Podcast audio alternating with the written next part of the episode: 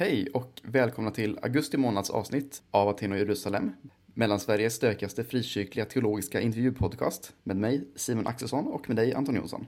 Hallå, hallå! Kul Hej, att vara här. Kul att ha dig där. Hur är det i Linköping? Oh, det är bra tack. Eh, Jag väntar på att mitt ofödda barn ska födas till världen. Så, så när lyssnarna lyssnar på det här, för jag gissar att det kommer ta lite tid på det att klippa, Eh, eh, okej, ja. då kommer antagligen barnet vara fött. Jo men så borde det nästan högst troligtvis bli för att redan nu är det ju lite på övertid. Precis. Den skulle ha fötts i tisdags den 6 augusti och idag är det söndag den 11 augusti när vi spelar in. Ja, men vem räknar? Ja, inte jag.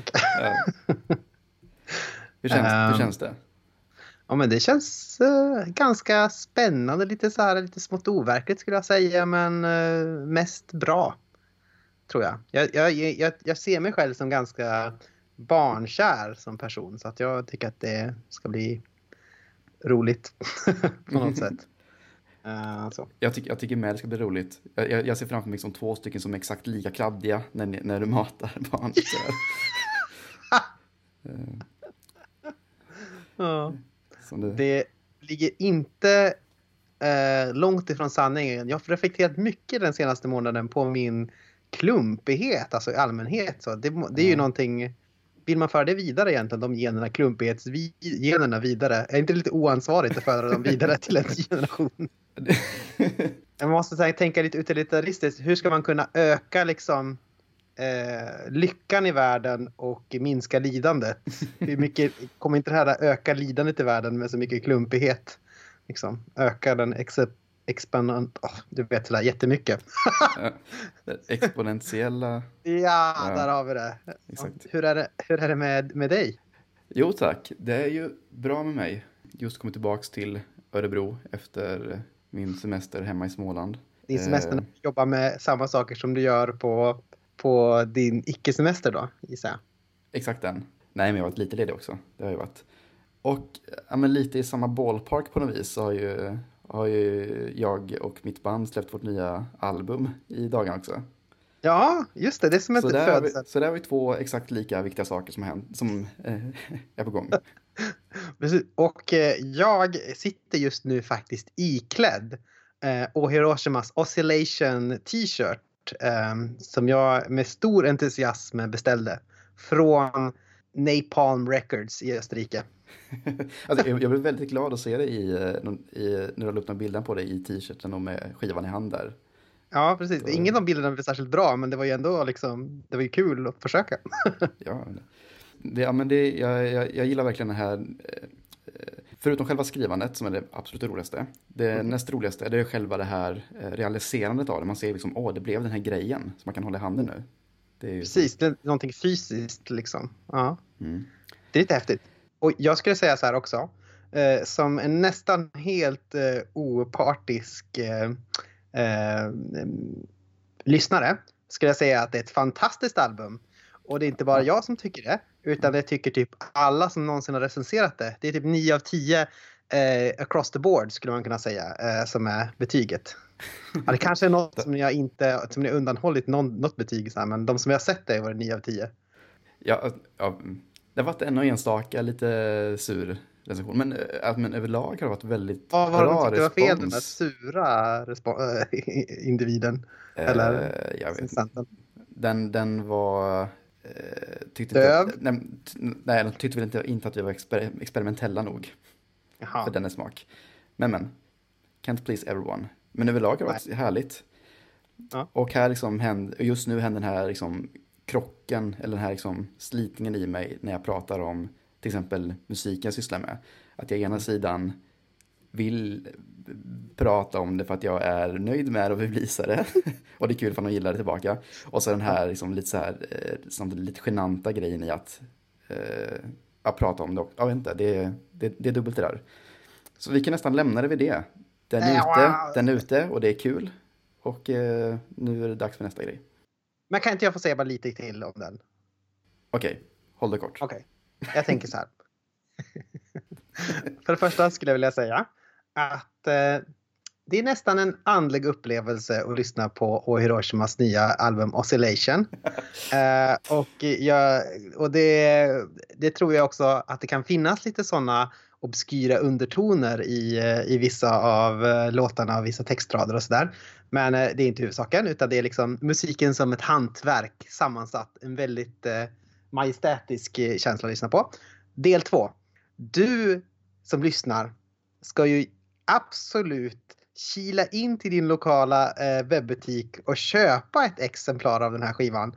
Och då tänker du så här bara, oj oj oj, inte vill jag stötta något jätteskivbolag och massor med extravaganta livsstilar hos eh, artister. Och då kan jag säga så här, de här människorna som har gjort den här musiken lever ingen extravagant livsstil. Utan en är ju en 60-procentig vaktmästare, en annan en lärare. Vad jobbar Oskar som? Det kommer jag inte ihåg. Han är också lärare. Han, är också förskollärare. Han. Ja, just det. Så att det här det är inga liksom snobbars och eh, eh, lyxöst liv du finansierar. Utan du finansierar bra, solid, eh, hantverksmässigt framhamrad musik. Eh, så det är bara, det är bara att kila in på eh, napalmrecords.com eh, tror jag det är och eh, beställ ditt ex. tack, tack Anton för den där skamlösa pluggen. Mm. Men det, och, det, eh, det, det, det ligger något i det, för att här i förra veckan så sågs vi, vi tre i bandet för att fira det här släppet då. Så vi gick mm. ut och käkade middag eh, ute på stan här och hade lite efterhäng hos mig.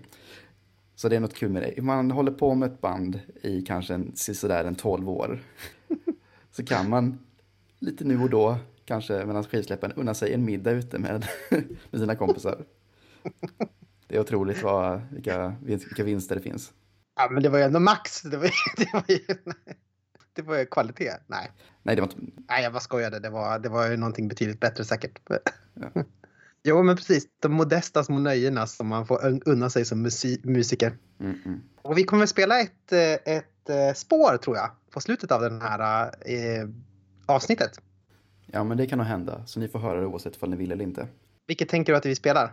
Åh, oh, det får jag klura på. Det, jag, jag, jag kör något på stunden när jag klipper här. Ja, just det. Men eh, jag, jag funderar på ifall vi lite kort ska göra en lite återkoppling till eh, vårt försnack vi hade förra gången. Ja. När vi pratade om det här om eh, en person som, eh, ja, väldigt kort uttryckt, gjorde en slags poäng av att vi kanske håller oss skeptiska till, till den samtida miljörörelsen då den börjar likna mer och mer religion och, och därmed är någonting man bör förhålla sig lite mer skeptisk till för att det är inte, det är inte miljön vi ska tjäna. Ja, den personen kommer jag ihåg, ja. Ja, och det här kom upp i ett samtal med en annan kompis då och då som ett lite klargörande så var ju liksom lite caset var, byggde ju på lite på det här att på det här att man kan egentligen bara känna en herre. Och då, i det här fallet, då inte miljön. Och att de liksom, men det här lite märkligt att man liksom gjorde dem till, eh, också till slags två likvärdiga spelare på planen om man säger. Mm. Som liksom står emot varandra på något vis. Men bara som en kort sak om detta med att vi kanske ska, detta med att vi ska se upp med citat, liksom, världen och dess inflytande på vår tro. Varför är man liksom inte lika snabb på att, eh, på, att tala, eh, på att tala det när det gäller till exempel eh, sånt som kapitalism eller nationalism? Därför de är naturliga, oföränderliga storheter såklart. och kanske fortfarande lite för mycket att vinna på att de faktiskt ska vara. Det finns ju en, en vänstertänkare som heter Slavoj Zizek, slovensk. Mm. Och han har sagt det att i, i samband med att vi har en sån våg med så apokalyptiska, postapokalyptiska filmer och sådär. Mm. Att eh, för människor är det lättare att föreställa sig världens undergång än det kapitalistiska systemets undergång. Just det, just det. Det där minns jag också. Att, ja, vi bara slänger ut det som en liten tanke. Något att klura på. Eh, något, något annat vi kan klura på tillsammans? Månadens mönster. Eh, ja, Tack, tackar som tar upp det. Nej, men jag tänkte att eh, jag kanske en sak eller två saker som jag skulle vilja säga. Okay. Eh, det första är en sak som jag kommer på att jag irriterar mig mycket och som är lite av eh, en sorts eh, fundament för den här podden. Eh, en av anledningarna till att den här podden eh, grundlades var för att jag var trött på amerikanska kristna intervjupoddar av ett liknande snitt som våran när de ja, när det är massor med amerikaner som intervjuar varandra.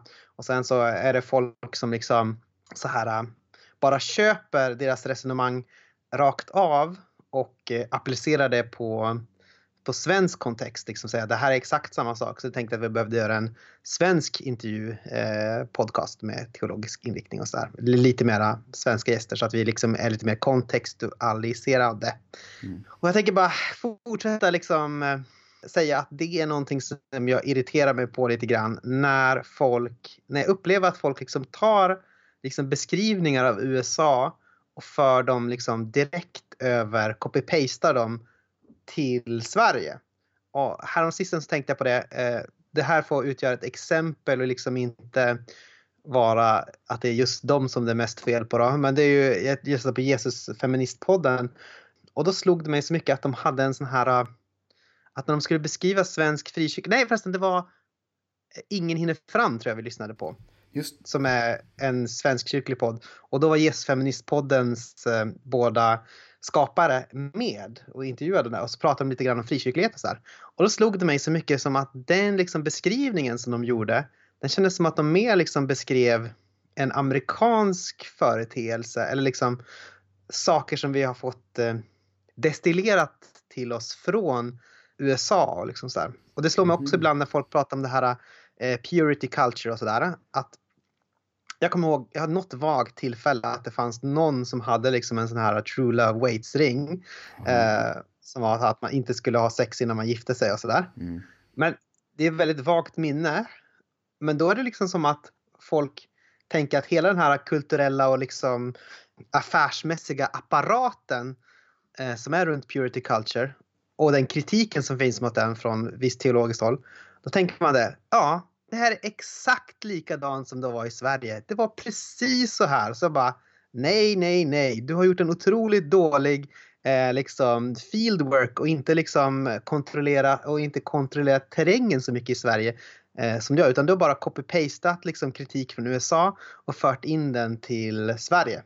Och det här gäller inte bara, och det här, nu var det väl en mer då, om man ska säga, progressiva sidan som jag tog här då. Men då kan vi lika gärna ta den mer konservativa teologiska sidan så är det ofta så att folk bara copy-pastar liksom reformärt teologi. Mm. Typ så här, Gud är suverän och superduper häftig och jättestark och maskulin och sådär. Och sen så tar de det och liksom helt okritiskt och bara applicerar det på, på Sverige och, så bara, och, och liksom bara dömer alla kyrkor som finns i Sverige utifrån det här påhittade amerikanska idealet som de har bara tagit helt, rakt av och svalt. Så så min lilla månadens mönster är man måste förhålla sig mer kritisk till USA och inte bara copy-pasta beskrivningar därifrån och föra in dem i Sverige utan måste göra lite mera eh, grundarbete och kolla på hur är saker här i Sverige och sådär innan man gör sådana här eh, snabba saker. Och det är lätt hänt för vi är väldigt influerade av USA att vi bara tar saker rakt av. Så, här, så folk tror helt plötsligt att de går på high school när de går på liksom Parkskolans gymnasium eller något sånt där. Så det är inte riktigt samma sak. Jag skulle, jag skulle vilja sträcka mig till bara, bara släpp USA. Ja, varför inte? Bara... bara... Släpp det.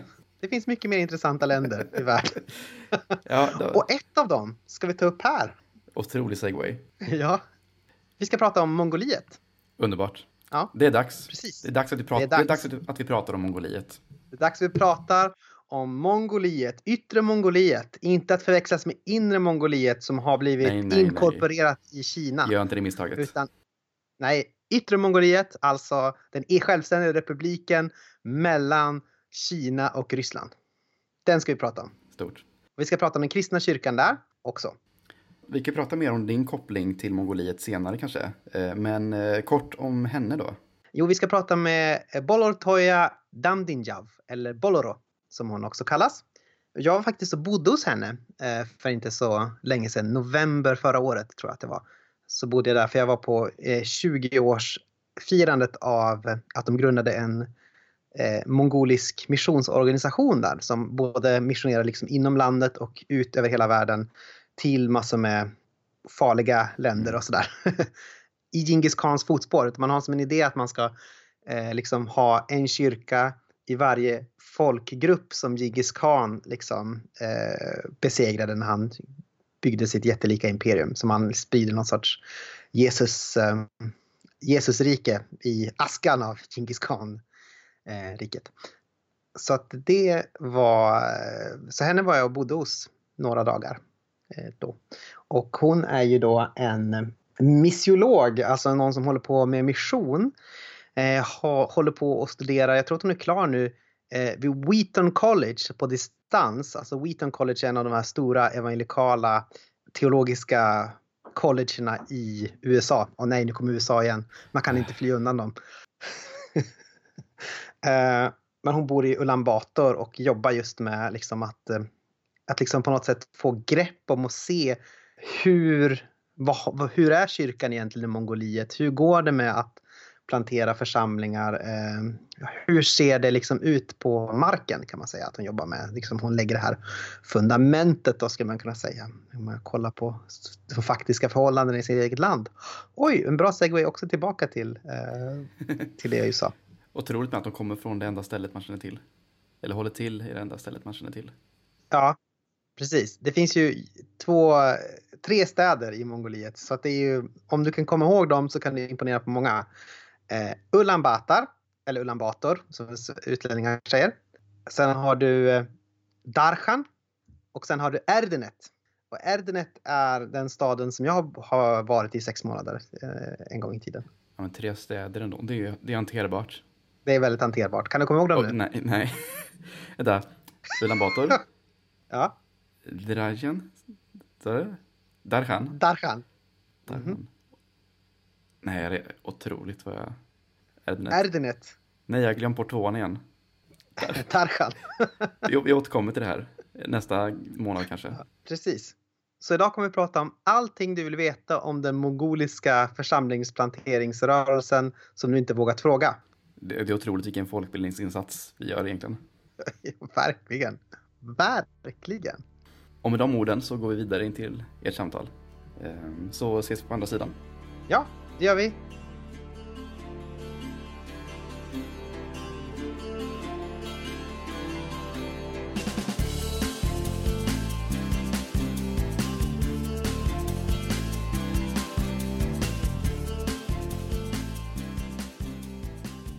Tembeno. Tembeno. Sakın amırsın o. Ha, sen amırsan. amırsın o. Amırsın. oh, I don't know. Um, so how are you, Bolro? Good. Mm -hmm. Good. I'm doing well. Mm -hmm. uh, how would you introduce yourself to our audience here that don't know you yet? Ah. Um, my name is, my short name is Balara. My full name is Balar Toya.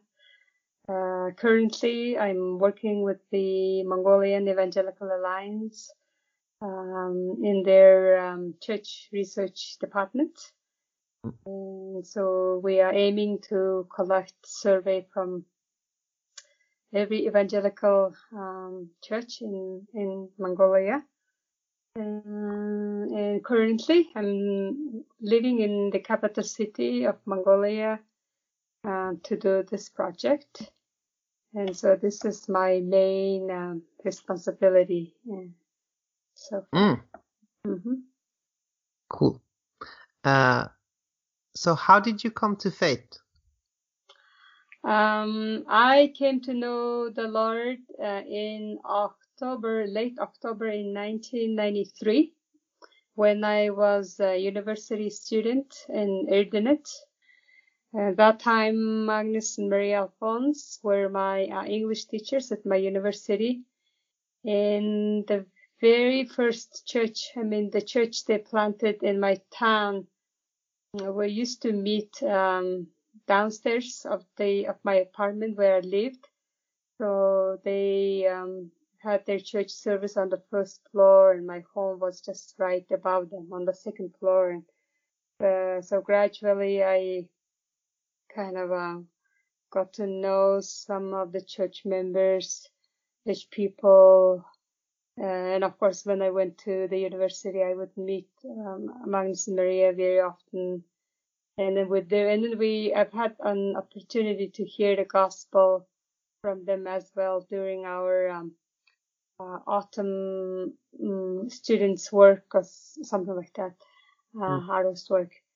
And then let's see and then one day, uh, Baira and her sister, you know, Baira who worked with Magnus Maria, they visited my home, um, to do something. And then all of a sudden, uh, her sister shared the gospel. Uh, and, and then at that time I felt like that is the, the message that I have to accept. Uh, and then somehow I felt so much kind of faith in that message. And then I, my sister and I immediately decided to accept uh, the Lord as our saviors. And mm. from that time on, we um, started going to the church, which was very close to our home. Um, and ever since that time, and uh, I've been still yeah, connected to the church in uh, Erdenet Jesus Assembly.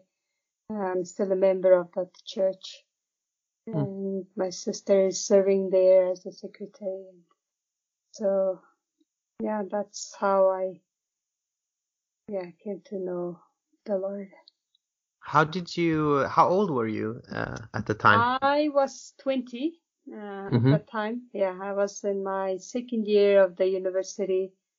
And um, I mean, I think that time, like, my heart was quite ready to receive the gospel. But of course, I mean, there were uh, opportunities uh, to hear the message, the gospel message, but I was always uh, reluctant to hear um, mm. the message. But somehow on that day, God really opened my heart, and then and then somehow I felt like uh, I felt faith in my heart, and so mm.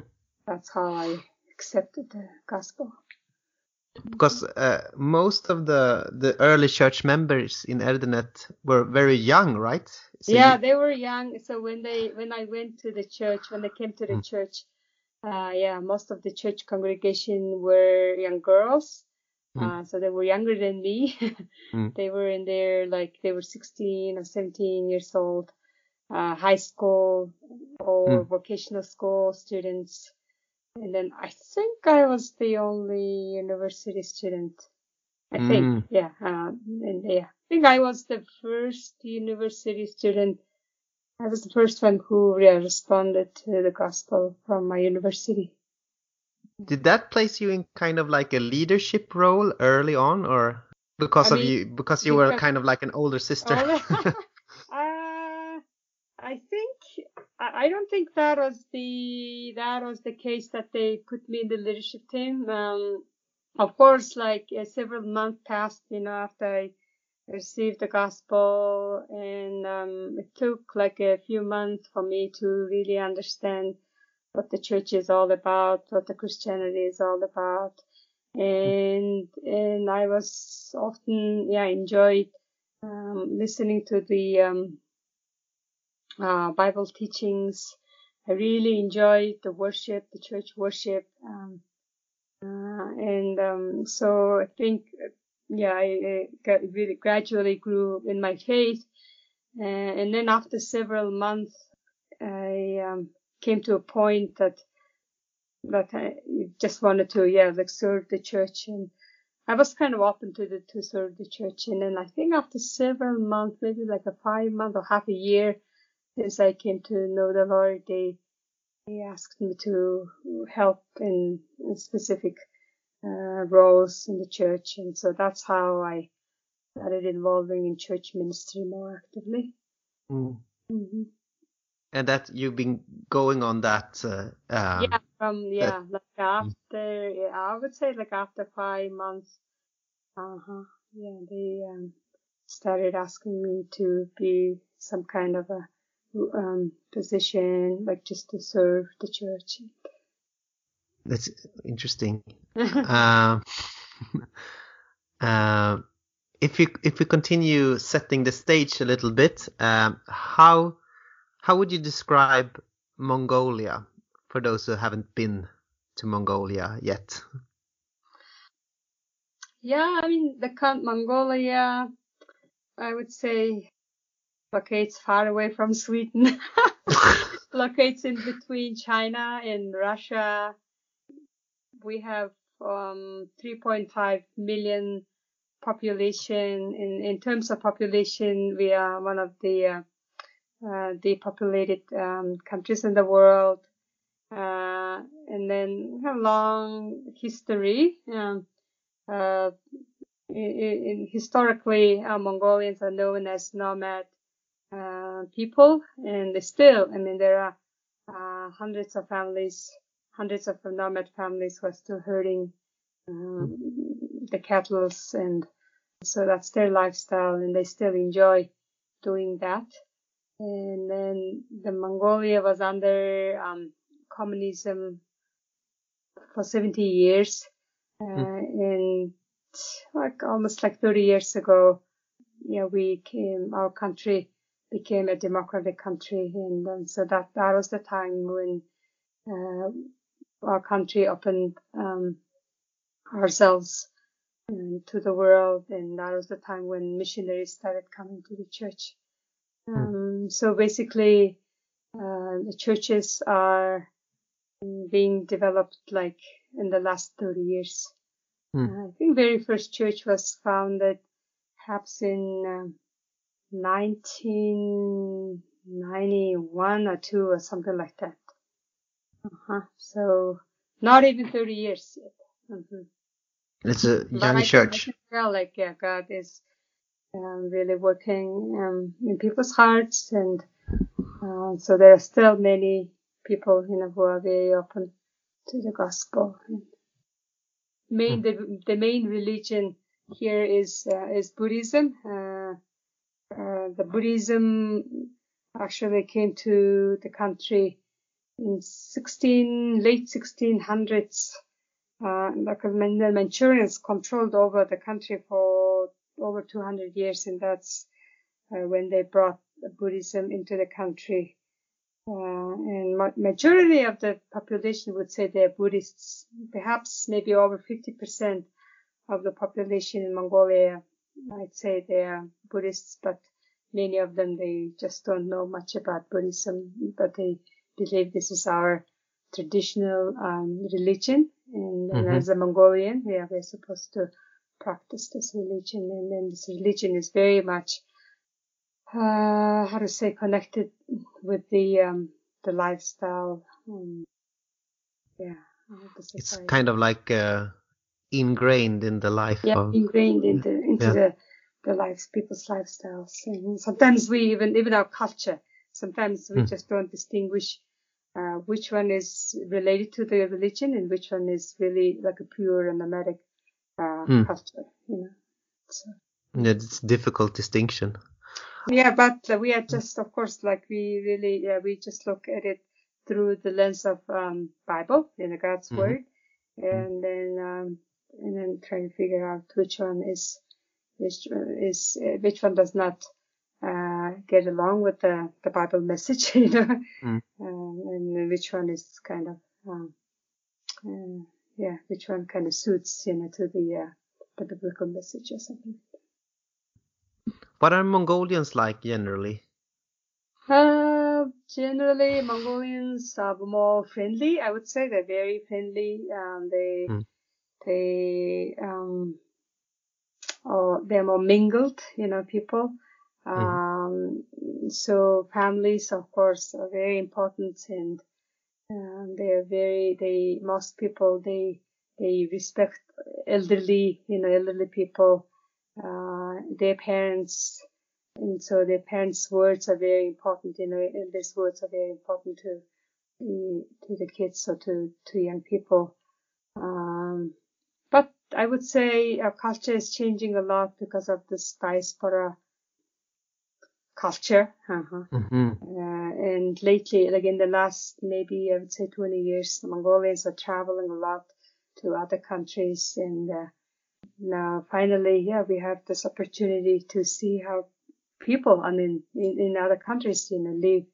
And so that's why I would say our younger generations uh, is changing a lot. You know, their perspective is quite different. You know, very much mixed with um, a lot of different things, like you know, even the social media, internet is also influencing you know people's lives. And Hmm.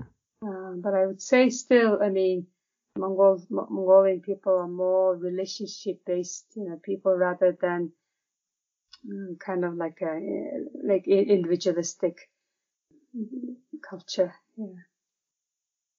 Very, I mean, most people are very supportive of each other, you know, Mm. even though they don't have much, but they're very uh, supportive to each other and very hospitable to each other. And even some families, they don't have much, but they still, you know, serve uh, all they have, you know, to, to their guests. And uh, yeah, I would say this nomadic culture, uh, I mean, hospitality is a big part of the nomadic culture.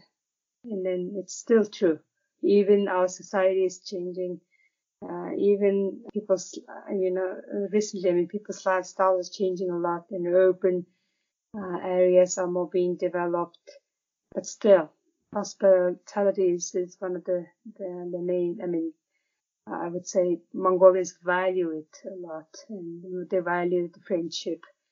Hmm Yeah. And I would say I, I've been to Mongolia twice, Uh-huh. uh, and I would say that they are very festive people. They like to party. Exactly. Yeah, yeah. Mongolians like to have parties and enjoy fellowship, you know. So festivals are very important, of course, you know, since people are very relational and uh, all these festivals or um, holidays, uh, kind of, um, yeah, mm, uh, key opportunities, you know, for them to uh, have fellowship together. And so that's why, yeah, uh, holidays are very important. In fact, there are many, many holidays that we celebrate. Almost like there are holidays every month. Yeah. to celebrate. It's uh, very important, and then people don't miss those opportunities, and they just take it very seriously. we, we've, been, we've been talking about it a little bit in your personal history, uh, but in the 90s, uh, the number of Christians in Mongolia skyrocketed, or there became a lot of Christians. Um, yeah, I mean, we, we I'm, I was, I mean, I, as I was studying um, the Christian Christian history in Mongolia, they said like there perhaps there were maybe two known or four known Christians in 1991 or two or something like that. Mm. Uh, but the, I mean, obviously they became those people, those two or four people came to know the, the, the Lord because of the missionaries who came Mm. over to our country early uh, 1991 or late 1990, right after communism collapsed. Yeah. Uh, but as we, as we study history, um, uh, as we study history, we can also, uh, talk about Nestorian missionaries' influence in, in Mongolia, you know, in Is how early is that? Is that like so that was like, uh, no, 12 centuries, 13 centuries, hmm 12, 13 centuries. Yeah, there were Nes- Nestorian um, missionaries, uh, and they um, came to Mongolia.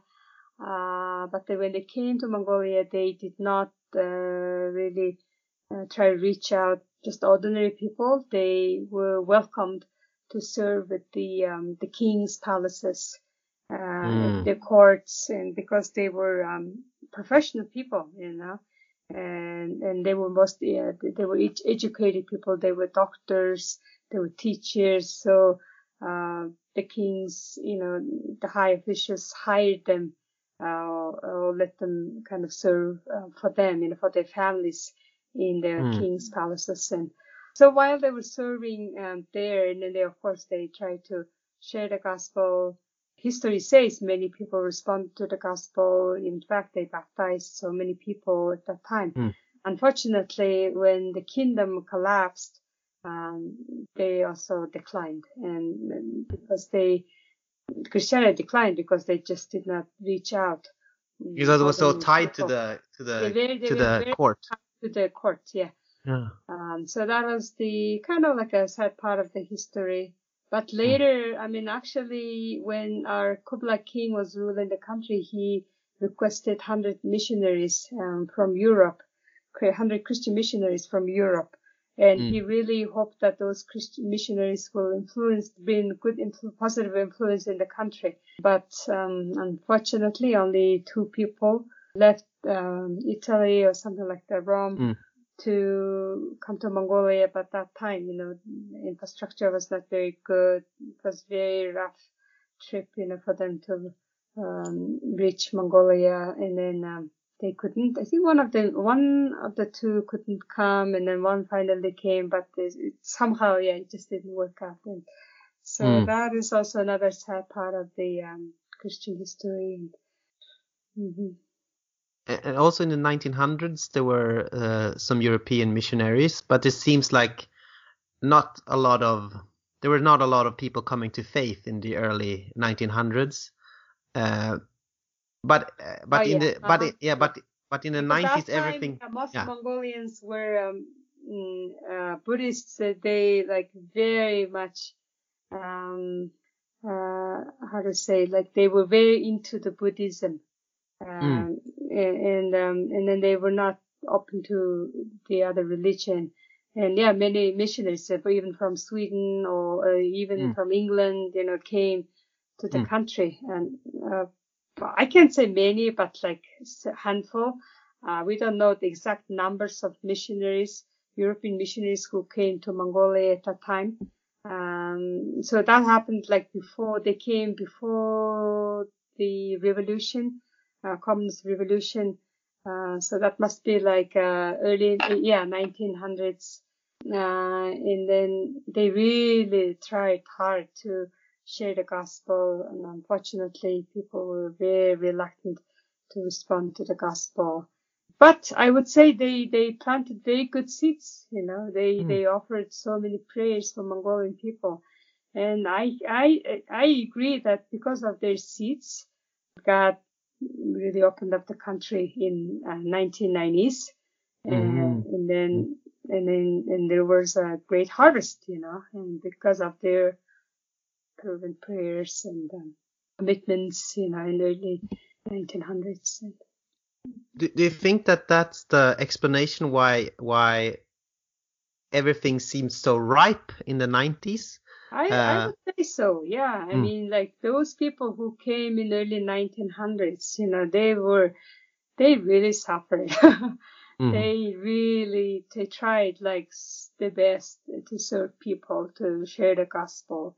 Uh, yeah, as you know, like there, there were two Swedish missionaries, ladies, and they, uh, they worked as a nurse, they worked as nurses, to try to help a lot of people. And there was another missionary from London um, missions, and then he, James Gilmour, you know, he really tried to evangelize thousands of people. He distributed thousands of uh, gospel tracts, but you know, most people were uh, illiterate, uh, and then they were not really open to the gospel, and mm. but um, they they served in a country for many many years. Like uh, James Gilmour, he was he lived in Mongolia for 20 years. I heard, yeah. After mm. 20 years of ministry and only two or three people responded to gospel and he was able to baptize like only one or two of them by the mm-hmm. end of the 20 years long ministry you know mm. yeah and that that that's how it was tough and then um, and then it was very difficult to live in mongolia back then you know in 1900s and it was very difficult for missionaries to survive in mongolia the weather was mm. harsh um, there wasn't much food to eat, and the living condition was very, very difficult. Most people were so sick, you know, and um, it was a tough life. But mm. I really thank God for those people and who were very truthful to their commitment to the call, specifically to their call, and um, and then they mm. they saw good seeds. Yeah, it means good. Uh, yeah, and then mm because of them, because of their work, we've seen great harvest in the mm. country. I, I, was also thinking about uh, if it could be that like Tibetan Buddhism and shamanism was so ingrained in the mm-hmm. people that it had to be kind of broken by communist rule yeah. uh, to make people open to Christ. What do you yeah, think about that? Yeah, definitely. I mean, the communism, of course, they really tried to um, decline um, any religion. They were so against religion, and uh, but when communism communists took over the country, they destroyed most of the Buddhist temples in the country. They killed most of the lamas. Uh, and they, they, they really tried to cleanse, cleanse the country from the religious activities. Uh, and then because of the persecution uh, from the communists, uh, Buddhism uh, went underground. And Mm. they didn't really totally destroy the religion. It just went underground for 70 years. And then after the communism collapsed and then it came out, you know. Mm. But of course it wasn't like strong as before. Yeah. Um, yeah. Mhm. And I, I heard like they destroyed, there were like so many temples all over the country and um, destroyed like about 800 or 700 uh, Buddhist temple buildings. Mm. Uh, and then they destroyed a lot of religious items and mhm. Mm.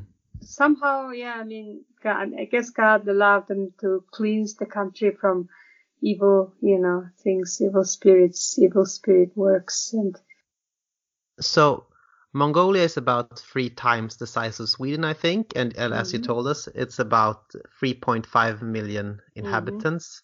mhm. And uh, if, if I'm correct, you can correct me here. It's about half that lives in the city uh, of the population, or Half something like that. The population, yeah, lives in urban areas, um, uh, Yeah. especially in three main cities.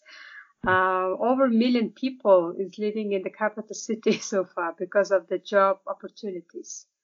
Mm. Uh, and then also most of the universities and college colleges are in the capital city. So um, all those students, you know, uh, from other provinces come to Mongolia, uh, to the capital city to study. Uh, so that kind of uh, increases the population, uh, especially during the school year.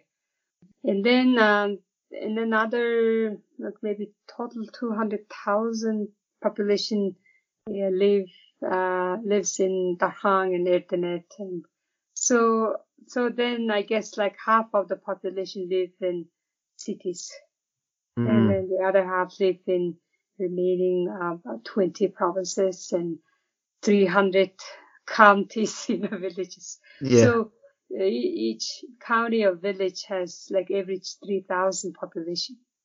Very So it's very sparsely populated, as you very can. populated, yeah. And then each village has only like, you know, 3,000 population. But but yet, like the, the church in in uh, Mongolia, the evangelical churches have a very yeah, ambitious plan. Uh, could you tell us a little bit about this? Uh, I I know the Desert Spring at least has this. Uh, uh, yeah, I plan. mean, Mongolian Evangelical Alliance um, set a goal to uh, disciple 10% of the population by 2020. And next year we are going to evaluate this goal. And this current uh, research project is is um, uh, one of will will be used to evaluate um, the goal. And so that's why, like, yeah, we are trying to finish the um, this research project uh, by the end of this year, and so that we can set up, evaluate the goal, and then set up the next goal, and, and then um, make some kind of strategic plans uh, for the future, for the for the new goal. And um, uh, yeah, we definitely Evangelical Mongolian Evangelical Alliance um, understand the important significance of doing the research work, and they just want to see how things are going in reality, and they Mm. uh, want to see the exact numbers of the evangelical churches, uh, exact number of the um, the Christians, uh, all those people who are going to the uh, ch- church, you know, church uh, attendance, number of church attendance, and uh, so on. And uh, and definitely, we really need to develop church planting ministry in the country because there are still hundreds of villages where there is no church. Yeah, that, but that's a that's a very interesting. I think that I think that the Desert Spring had the idea of planting a church in every. I guess you could call it a county, uh, like uh, yeah. yeah. two no 320 counties in Mongolia. Mm. Uh, and then uh, and then I, I I already said each county has average 3,000 population. Mm. And so our goal is to see at least one uh, Christian fellowship group or church in every single county of the Mm. country. And I'd- so far, we have churches in 100, maybe 70 counties. So there are still like 150, average 150 counties or villages where there is no single church. But why do you think it's important to um, plant churches in the countryside in these um, sparsely populated areas, and not Um, just focus on the on the strategic and expanding cities? Um, in cities, I mean, most churches locate in cities. Mm. Like, for example, like, uh, we estimate the number of churches in Mongolia as 500, you know, churches average. Mm. And then already 300 of them, at least 300 of them are just in UB, you know, in the capital Mhm. city. Mm. Uh, and, but in most villages, they don't have any church access. People, I mean, there are people who Mm. uh, came to know the Lord, but they don't have any, any church group, Mm. church fellowship that they can attend. And some people, they are requesting, you know, churches to send their people, plant the church uh, in their own loc- location because uh, that, because they want to have a church access in their own village area. And they want to have Christian community in the village Mm. area. Because each village, you know, locates far away from each other and it's difficult for them to go to another village to attend the church, you know, they already have a lot of work to do in their own um, village. So, But how do you plant a church among nomads? Is it even possible to do that? Uh, I mean, there are churches, um, actually for nomads, uh, Mhm. and then it's working out and there are nomad, there are Christian nomads, uh, Mm. in the country.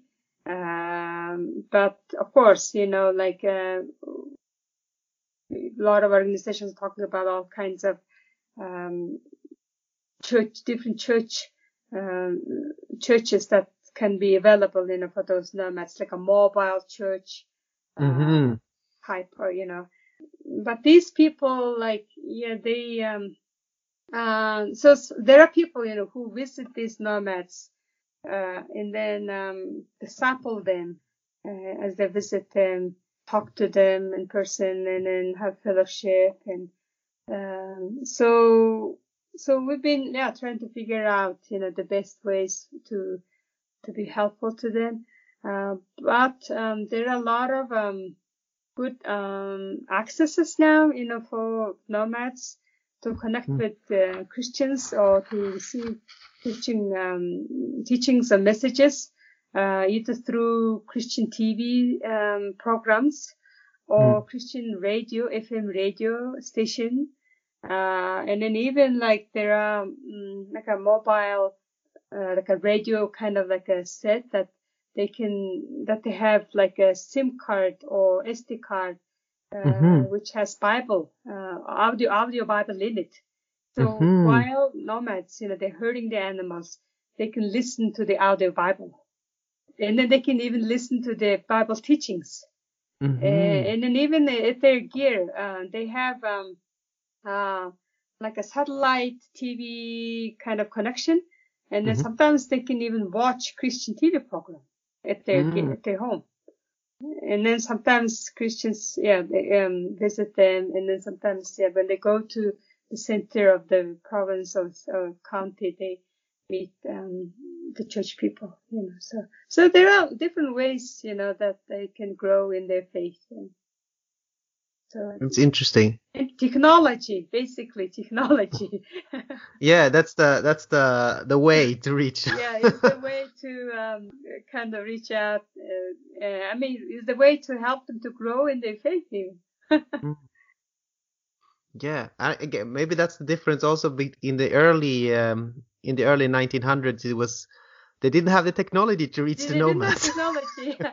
yeah, even most people were illiterate. You know, they didn't Mm. have technology.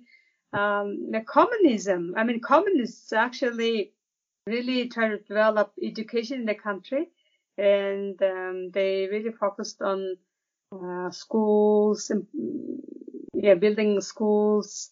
Uh, and so that's why, like, by the end of the 70 year long communist regime, like over 90% of the population became literate. Yeah, so the education was mandatory during the communism. Mm. And so that's, that's one of the best thing that the communism did for our Mongolian people. And uh, so when the gospel came to the country in early 1990, most people were literate. They were able to mm. read, you know, Bible. And as soon as they translated the Bible, most people read it. They could read it. And then, and that is one of, that was one of the key, one of the main, main keys that help people to grow in their faith.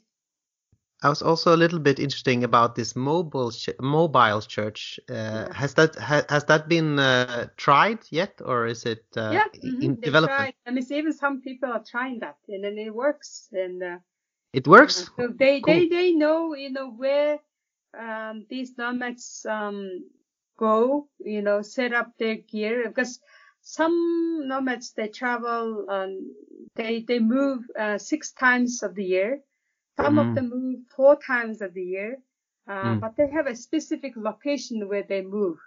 They know where they are, you know, in summer or in where they vacate like in late uh, spring or when, where they may winterize or where they spend their fall. You know, they, they, they have the specific location, um, that they go. So they know, you know, how to find them.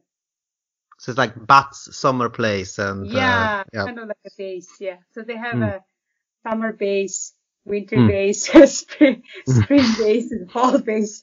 Yeah. Uh-huh. Ah, cool. Uh, so what would you say? What is the strength of the Mongolian churches?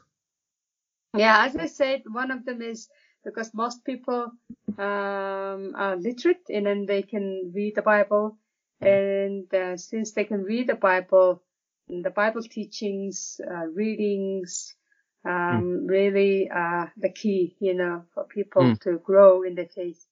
And, and since most people can read the Bible, understand it, and they they've been organizing all kinds of seminars and programs or Bible schools to educate uh, Christians. Mm. Um, so I would say like a lot, lot, of churches are lacking some kind of um, specific trainings, and especially in UB in the capital city, they constantly organize Bible seminars or teachings, or like there are also several Bible schools that may like uh, big churches run. And then I would say Mongolian Christians are very well educated. uh, very well educated. And then, um, according to our last survey, we found out that most church leaders are highly educated, even in terms of profession. Mm-hmm. Uh, economy, most of them are college uh, graduates. Uh, most of them also have done some kind of Bible training school. Mm. And um, so uh, education is very, very, um, it's been going really well. Uh, and then um, also the worship ministry is also very important in Mongol for Mongolian people. Uh, I heard a lot of people came decided to came to know the Lord because of the worship service in the church. Mm. they were very attracted to the music. They were very attracted to the worship songs. Uh, and that was one of the keys that they came to the church, especially for young people. Uh, uh, music and then songs. I mean, generally Mongolians love singing love music. And um, so that's why worship ministry is very, very important in, in churches. And then uh, I would say also most, I mean, uh, Mongolians are very um, good at sharing gospels. Um, like that's like one of the the main gift that God gave for Mongolians, and most Mongolians are very eager to share the gospel, so they are very strong in that area. Uh, Magnus then, Alphonse uh, said that uh, he didn't really need to lead a lot of people to faith because they were doing it themselves, yeah. themselves when he came exactly. in the 90s. Yeah. Exactly, yeah. Uh-huh. Most Mongolians were quite resilient, you know, people, and mm. then they like to travel and so that's why for them, uh, going to other places to share the gospel is a kind of like a fun thing to do, you know. so so that's why a lot of churches they send outreach teams to countryside, especially during the summertime, and uh, and they um, share the gospel, and they organize some kind of a evangelistic evangelistic activities, ministries, you know, for people. And lately, a lot of churches are also trying to develop community development ministry. They're really Mm. trying to reach out to poor and needy alcoholics or drug addicts or, or whatever. Yeah. So, I mean, drug, drug addiction is not a big problem in Mongolia, but lately the percentage is increasing, especially among the young people. So that's kind of like a, an alarming, you know, Mm. thing for uh, the coun- for the country. And um, uh, yeah, so churches are really trying to develop the social ministries and uh, to help people. What what would you say is the primary struggle uh, for the church in Mongolia? Um, primary struggle. Of course, lately the church planting ministry is really declining. Mhm. Uh, somehow, a lot of churches are not really training church planters. Uh, I think they are mainly focusing on their own church ministry. Uh, some, unfortunately, they're losing a sight of um, uh, outreaches. You know, even though you know some of them they do, but generally, I'm talking about in general. Uh, Mm. A lot of churches are not doing. They're very much. They're not really strong in their outreach ministries or mission ministries or church planting ministries, and um, because of that, church ministry ministry is really church planting ministry is really declining. And then lately, um, leadership problem with leadership is also increasing, and uh, it is it is a reality and it's happening, and um, so I would say there's problem in leadership development, and Hmm. so those those of us who stepped into the church ministry like 20 over 20 years ago you know when, when we were in our 20s and Hmm. now most uh, most church leaders are in their mid 40s now. Mhm. mid 40s they're going through the middle age crisis. And many of them are tired of the church ministry because you know they've been doing it from their young age. And they're tired physically emotionally um, but they are not really they haven't really raised up a younger generation. And so that's why the current leadership um leaders are struggling with some issues real issues and i think that is maybe one of the um, one of the the problems that uh, hinders churches to grow uh, because the leaders are not really strong anymore you know and uh, they're tired and, Mm. and then they, they're, they're tired to do new things you know and so that's why they're just kind of trying to manage their own church ministry and, um, so they cannot do more than that i think that's that's the main problem in the country Is it common in Sweden? It's it's quite common that pastors kind of uh, burn out or and Mm. and stop their ministry and Mhm. start doing something else. Is that uh, is that a it's thing you've been seeing? unfortunately yeah it's happening also uh, for the leaders here in mongolia uh, as i said you know like those of us who started serving the church maybe 25 years ago you know and then now Mm. uh, they are in their mid 40s and Mm. some of them are burned out uh, and they lost their passion you know to serve and then they haven't really prepared uh, the leaders you know so why, when they are burned out and then there are not many people who can take over their um, position, and so that's that's hard. So that's why member care ministry is also very crucial in the Mm. country, and um, that's something we really need to uh, develop also. Average, according to the last survey, 2012 survey, uh, we estimated the average age of the pastors as 37. I think now Mhm. it's like average age of the Mongolian church pastors is 40. So, So it's the first generation. Uh, mhm, first generation. Still, yeah. Uh-huh, yeah. still still do, doing the pastoral work.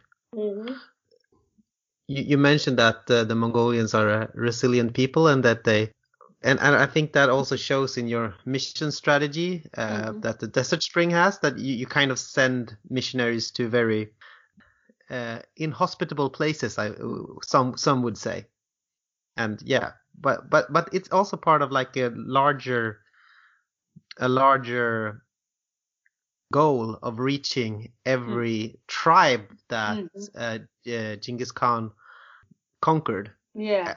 I, I was just wondering why why is it important to to kind of follow in the footstep of Genghis Khan? Uh, Uh, is that something you've reflected on? Um, I think, okay, first of all, um, I do believe that God uh, wants to use Mongolians to um, reach out those people. And then definitely, obviously, Mongolians can be received by those people easier than the other nationalities Mm. because of our histori- historical connection. Uh, Mm. And then it proves that, you know, when we send out our missionaries to those countries and they welcome Mongolians better than, easier than the other nationalities. Uh, and then it seems like Mongolians fit in those countries better than other nationalities even. I don't know why, in terms of maybe culture, um, they Mm. fit it very um, easily. And then also the facial, you know, figure expression, you know, they, they just look like, you know, those people and they are Mm. easily accepted in the community. And then the culture also very, very close um, to their own culture. Uh, even though the religion, of course, is quite different, you know, most people are, most uh, of those countries are Muslim countries. Uh, but our culture uh, is, I mean, there are a lot of um, similarities in our culture. And so that's why um, it seems like Mongolian missionaries kind of fits in their, uh, in, in, in that field more kind of easily than compared to other, um, like for example, Western missionaries. And, Yeah, and I also think that maybe Western missionaries has they they are kind of connected to Western colonialism a little bit yeah. more. I don't think Yeah. Mongolians are. yeah. mhm, mhm. Yeah. And I'm sure, I mean, there are like uh, even other Asian, you know, uh, missionaries who are trying to reach out those countries, but somehow they accept Mongolians better than even other nationalities. Mm. Uh, so, uh, and then also, I mean, maybe also the Mongolians uh, learn the language very easily, quickly, and maybe that that's also one of the keys that uh, help them to really um, enter like in their uh, community. From our missionaries, you know, I noticed that most of them learn the language and then the culture very quickly, and then Mm. that kind of helped them to step into the community uh, very easy. I I think uh, we'll go for the last two Uh-huh, questions. uh-huh. Uh, if you're ready. Okay. so the first question is uh, who is uh, Jesus Christ? hmm Yeah, for me, Jesus Christ is my savior. He's the son of God. He did come to the earth to, um, from God to save, you know, to be, to save people, to be a mediator between God and people. And, and then he was born, you know, uh, as a human being and to express, uh, to reveal, you know, God, uh, Hmm. to us. And he, and then he is also my Lord, you know, God who, um,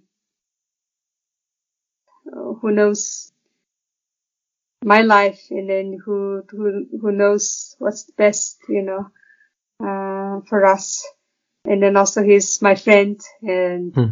who I can, who I can talk to him, you know, easily as a friend. And Hmm. so he's my, yeah, he's the, he's the only one who, um, uh, resurrected by the power of God, you know, among those, as they uh, compared to other religions. And, Mm. and he's the one who really overcame the death that people can't really defeat. Mm. He's the one who really faced, he overcame Satan, the Satan's power and, and he truly showed, yeah, God's power and truth to us. He is the imminent expression of yeah, God. Who do you think we should uh, interview for this uh, podcast? Um, yeah, I mean, there are a lot of people in my um, mind, and I guess you prefer somebody who maybe speaks some English. Yeah, that would be nice. yeah, yeah. I mean, I recommend Baira. I mean, if you haven't really interviewed her, I recommend Boina. I, if you know her, uh, she served our church as a uh, worship leader. And I, I recommend Otka, Pastor Otka, who was our first pastor. Jesus Assembly. He's serving as a missionary in Kunming, China now. So I think he will be very happy to answer some of the questions. Cool.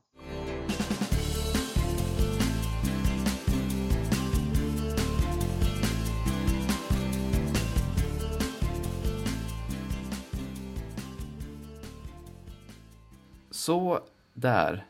Nu är det dags för eftersnack. Men jag tycker, Ja. Yes, men jag tänker vi börjar först att reda ut egentligen vad är din koppling till Mongoliet och hur började allting? En mycket komplexa och eh, mångfacetterade koppling till Mongoliet. Jo, nej men det var ju 2010 som jag åkte dit. När jag var 20 år gammal.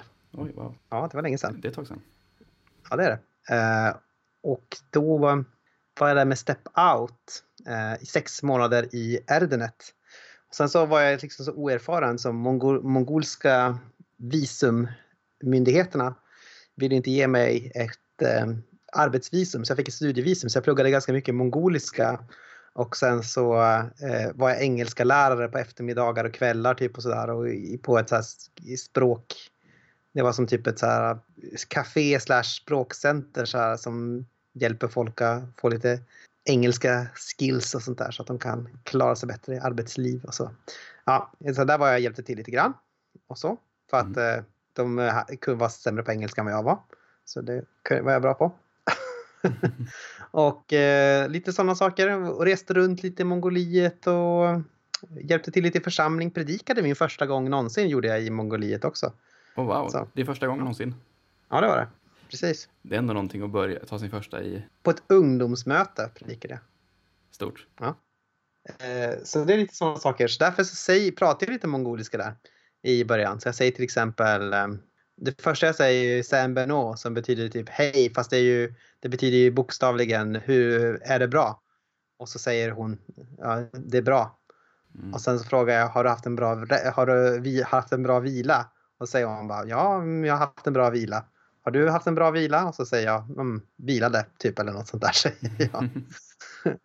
Så det är det. Där får ni era Sachen Amrseno betyder har du haft en bra vila. Sen så var jag där igen då 2018 i november Mm. och hälsade på när det var så här 20-årsjubileum eh, i, i och med att min församling Ryttargårdskyrkan har eh, kopplingar dit. Man skickade ut två stycken eh, missionärer till Mongoliet som var med och grundade egentligen de första kan man säga församlingarna på 90-talet. Eh, eller några av de första församlingarna. Eh, och eh, det blev en väldigt stor rörelse från det här eh, lilla fröet. Så att de eh, ses lite grann som apostlar eh, de här två. Så när de brukar åka runt så är det nästan som att man åker på det är som att man turnerar med Paulus eller någonting sånt där. Så min största uppgift när jag var där på den resan, det var att folk sa bara hej, jag skulle vilja ta kort med de här eh, före detta missionärerna. Eh, kan du ta kort åt mig när jag står tillsammans med dem? Så då fick jag trycka av så här stå och trycka och trycka när folk ville ha kort med dem. så det var min främsta uppgift så här, när de firade 20 år av att man grundat den här missionsorganisationen. Och så träffar jag Bolro och så säger jag, du har ju ett intressant arbete, du kanske skulle kunna prata med dig någon gång på min podd. Och så sa hon, ja det kan du göra. Och så fick jag hennes mejladress och så hörde jag av mig eh, nu då. Mm. För att fixa det. Och här är vi nu. Nu är vi här. Eh, vad tyckte du? Har du några takeaways som du skulle vilja ta med dig? Eller något som du vill bearbeta, processa, idissla? Ja, Till att börja med en kort och, och inte helt viktig tanke. Det var ju det, pratade lite kort om eh, buddhismen och dess närvaro liksom, i Mongoliet. Ja, Och beskrev liksom det bud- buddhistiska folket i, eh, tror jag, i stort eh, som folk som var liksom kulturellt buddhister. men inte, Ja, eh, vad säger, praktiserande buddhister, om man ska säga. just det. Och det var lite kul för att jag har liksom inte tänkt på buddhism som en sån religion som kommer i den varianten. Så man kan prata om så här, kulturkristendom till exempel. Att man är kulturellt kristen. Ja, du kanske döpt någon gång och liksom hatar inte julen kanske. Eh, Men jag har inte tänkt som buddhism som en sån religion där det också finns. Utan jag har tänkt mer att det fanns bara hardcore buddhister eller typ, eller typ accessoarbuddister som typ så här Claes Malmberg och sådana. Ja, just det. Men eh, Jag tänker ju att, eh, ja men det är bra poäng. Det som finns kvar ganska mycket ska jag säga i Mongoliet, det är frågan om, om liksom buddhismen i sig, eller om man ska säga kanske så ortodox tibetansk buddhism är inte så superviktigt för folk. Men däremot så får jag ett ganska starkt intryck av att typ ehm, ja, men mer så tro på andar och sådär är ganska viktigt för många folk i, i vardagslivet. Så här. mm. Det finns ju en tradition, har, har jag sagt det? Att eh, det förekommer att man ger namn så här som till exempel eh, Nergui eller Nergo. Eh, som betyder eh, utan namn och sånt där. ja, det här låter jättebekant. Eh, Ja, jag, jag har inte sagt det kanske i podden men jag tror att jag har sagt det faktiskt till du dig. har det. Ja det har jag kanske. Eller ja, ta det igen i så fall. Eller, Nej, vad, du, eller, eller vad du nu tänkte på. Man ga, ger i alla fall sådana här namn, icke-namn för att inte onda andar ska ha någonting att greppa tag i. Om man inte finns något namn så finns det ingen närvaro som man kan greppa tag i för anden. Mm. Eh, liksom.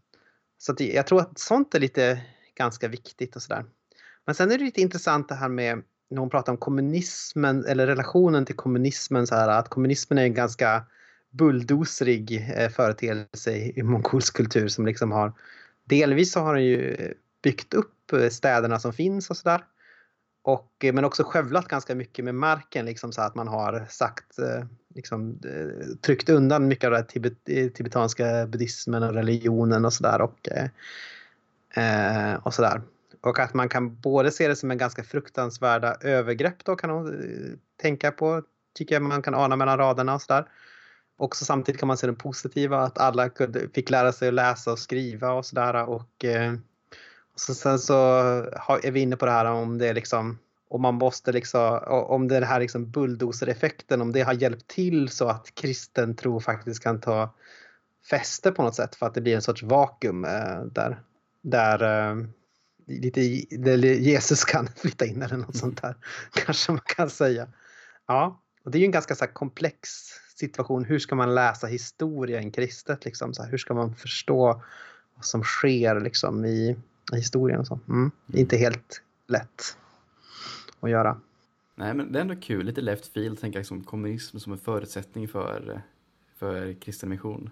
Ja, men absolut. De kanske ligger närmare varandra än vad man tror.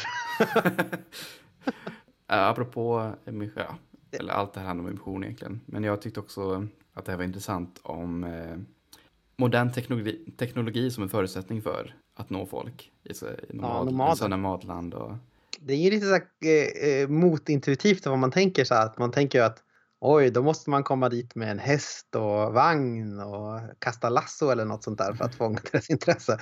Men snälla, själva verket är det typ så här memes. memes. ge dem, ge dem, ge dem en, ett, eh, ett kort med bibeln, eller SD-kort med bibeln, typ eh, sånt där, sådana saker som är, eh, funkar eller vad man ska säga. Ja. Jag, jag, jag, Som i alla fall som en sorts lärjungaskap eller om man ska liksom växa till i tron. Mm. jag, jag är ju mångt och mycket en teknikvän så det var ju ändå Mm. kul att få höra någon någonsin säga något positivt om teknik Teknologi. nu för tiden. Jag befinner mig på den eh, teknik, eh, teknofobiska sidan av, eh, av spektrat. Luditisk. Alltså ta, missförstå mig inte, jag, jag, jag, jag får också svårt att sova när jag tänker på, på Googles grepp om världen. Det tror inget annat men Du tycker också att det är lite gött? Ja, inte.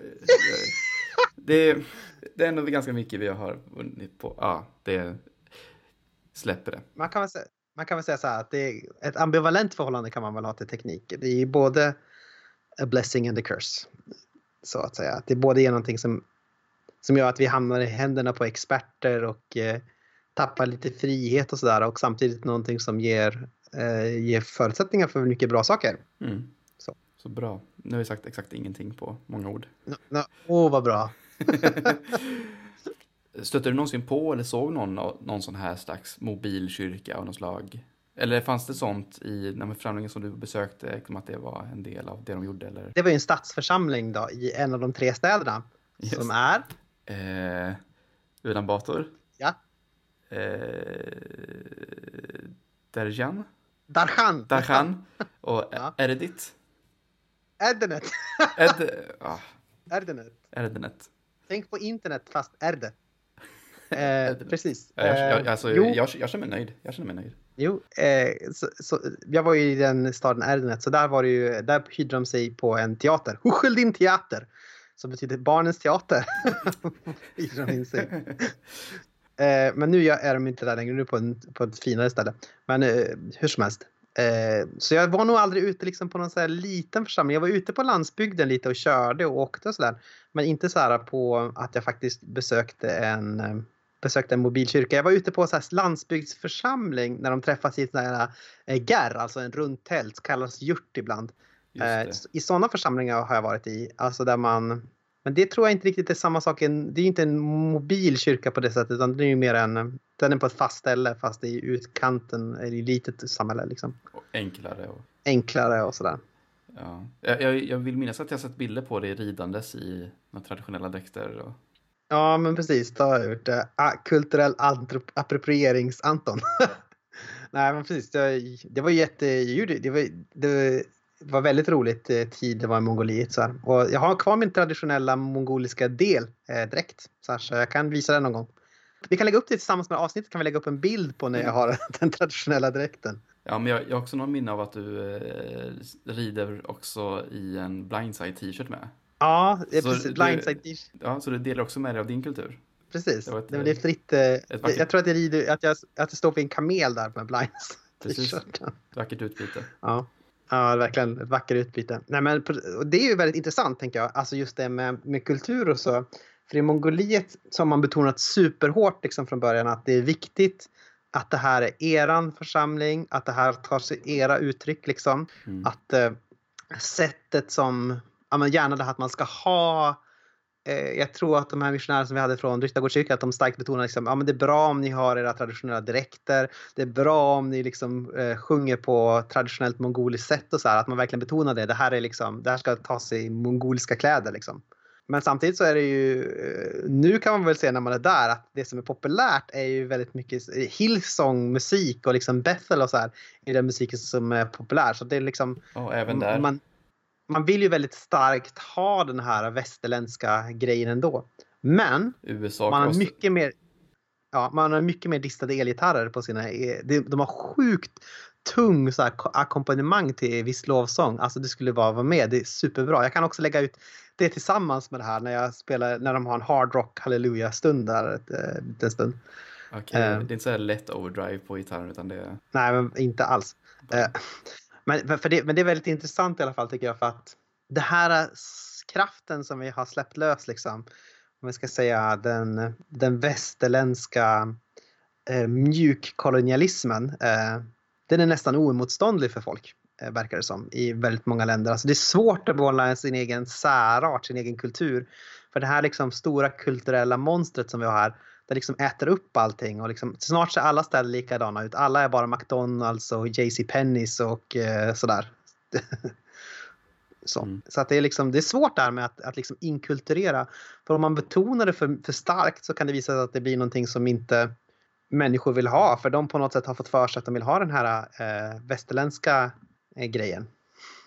Ja, det, det, men det är komplext liksom. Det är ett komplext eh, eh, spektra av saker. Ja, det där gör man inte hur som helst. Och det är ju som så här, jag tycker att, det, att vår förståelse av Kristus blir djupare, bredare, vackrare om det tar sig, om det liksom får inkarneras eller ta sig kropp i många olika eh, kulturer och sådär. Så på det sättet är det en Mm. sorts förlust att vi mer och mer går mot en, en eh, monokultur i hela världen kan man säga med små undergrupperingar. Sen så är det ju liksom överdrivet att säga att man går till en monokultur men nu förstår jag vad jag menar. Ja. Mm. Jag är med på vad du säger. Men då ser jag som så att det är eh, nog för den här gången. Ja men det kan det vara. Tack så jättemycket för att ni har lyssnat och att ni fortfarande är med oss. Glöm inte bort att eh, gilla oss på Facebook, följ oss på Twitter, skriv en session, ranka eh, och gärna skriv ett kort meddelande på, på vår mail. Och om du har lust och ekonomisk möjlighet, fundera på att kanske stötta oss ekonomiskt på Patreon. Eh, Vi är sju stycken! Sju stycken stöttare, understödjare, patroner, visst, vill eh, man, visst, patronus. visst vill man ha 12 ändå? Tolv stycken. Ja, det vore väldigt 12 fett. följare. Och så, kan man, och så kan man samlas och så kan du liksom posera i mitten om alla sitter på en sida av ett bord. Liksom. Eh, för, du förstår vad jag är ute efter. Du sitter i mitten, kanske breder ut armarna lite. Jag, jag tror att det inte är så här man lockar till sig de här 12, men absolut. Eh, ja, men eh, det finns en länk i avsnittsbeskrivningen, så kolla in där hur du gör. Oavsett vad så är vi glada för att du lyssnar och delar och berättar, om, berättar för dina vänner om den här podden. Så, fridens. Liljor.